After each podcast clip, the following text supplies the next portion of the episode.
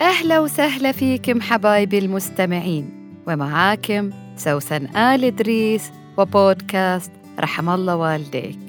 برنامج خفيف أحكي لكم فيه حكاياتي وانطباعاتي في الحياة اللي أرجو إنها تعزف على وتر في وجدانك من زمان ما سمعته أو كنت غافل عنه عشان بعد ما تسمعني تدعي لي وتقول رحم الله والديك.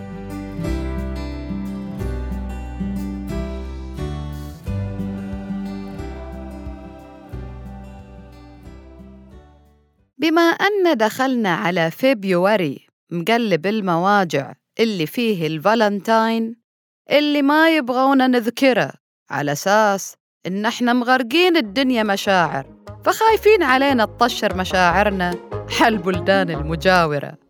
نحب نقول لهم تطمنوا المشاعر بخير وما فيها أي رطوبة.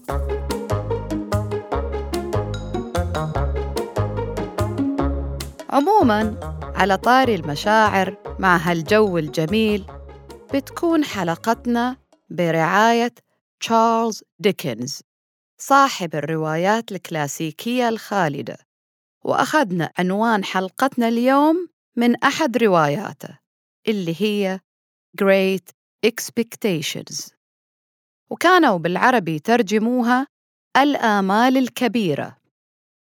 كلمة expect معناها يتوقع وأنا كنت أترجمها لنفسي التوقعات الكبيرة وسواء كانت توقعات أو آمال فهي تقريبا تصب في مكان واحد ألا وهو إنه يكون عندي توقعات وآمال كبيرة بسبب ما أحمله من عمل وحب كبير للحياة.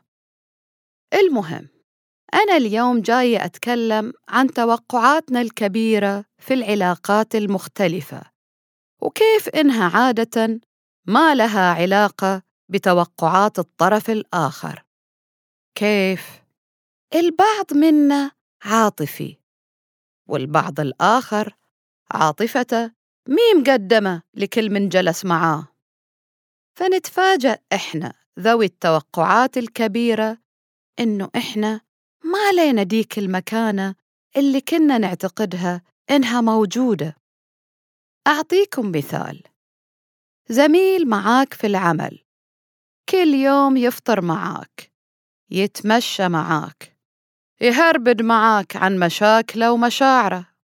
كل ده عشان يقضي وقت مسلي في دوامه.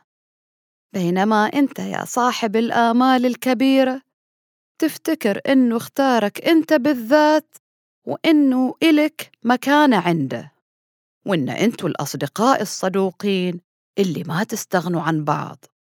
وتجي المناسبات اللي خارج الدوام مثل زواج ولده تخرج بنته أو حتى عزومة بسيطة يسويها إلى أصحابه. وتلاقي نفسك دايما منت على البال.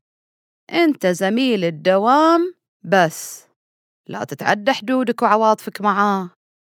وفي ديك الحالة الآمال الكبيرة بعلاقة صداقة تتكسر. وطلعت أنت مجرد زميل دوام. يا ترى مين الغلطان في هالحالة؟ هل هو صاحب الآمال الكبيرة اللي فسر قعدك معاه وقلبك اللي تفتحه عشان تريح نفسك إنك صديق وحبيب ولا عديم المشاعر. اللي عامل لنفسه دوائر وعلاقات محددة لا تتبدل. مهما اللي معاه كان باذل إلى من محبة وتعاطف دائمين.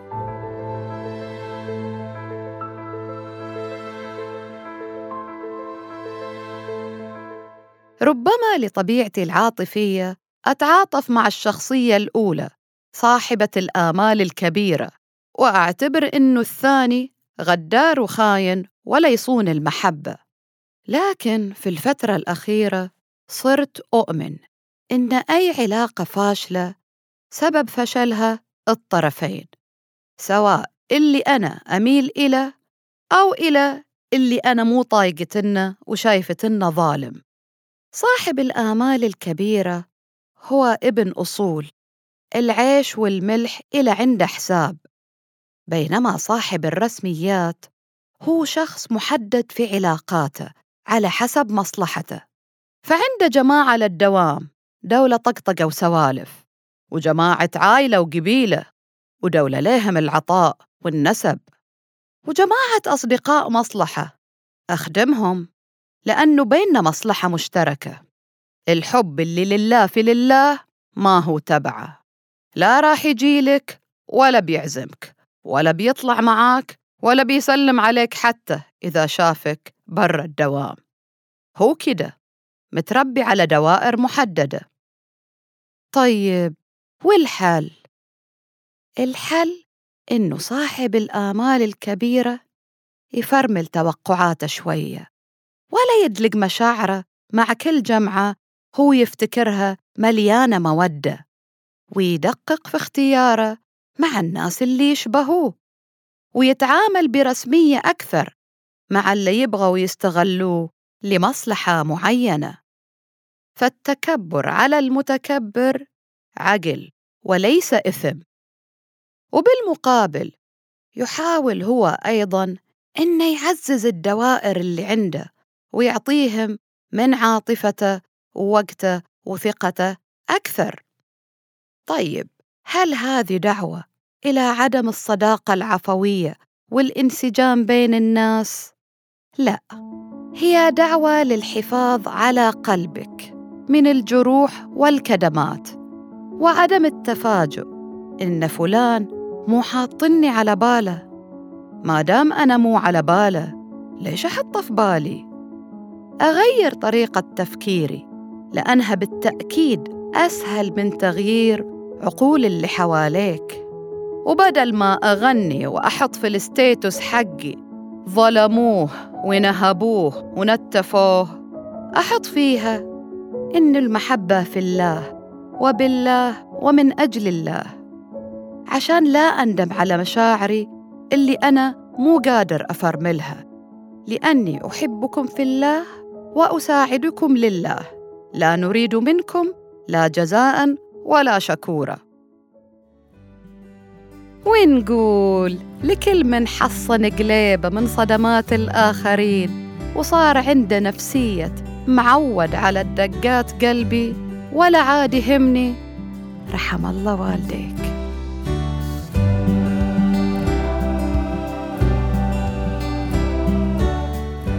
كنت معاك أنا سوسن آل إدريس. لا تنسى تشارك الحلقة مع اللي حواليك. وتتابعني على حساباتي في السوشيال ميديا. واللي حطيتها لك في وصف الحلقة. الحين أقدر أقول لك أتمنى لك يوم جميل. ورحم الله والديك.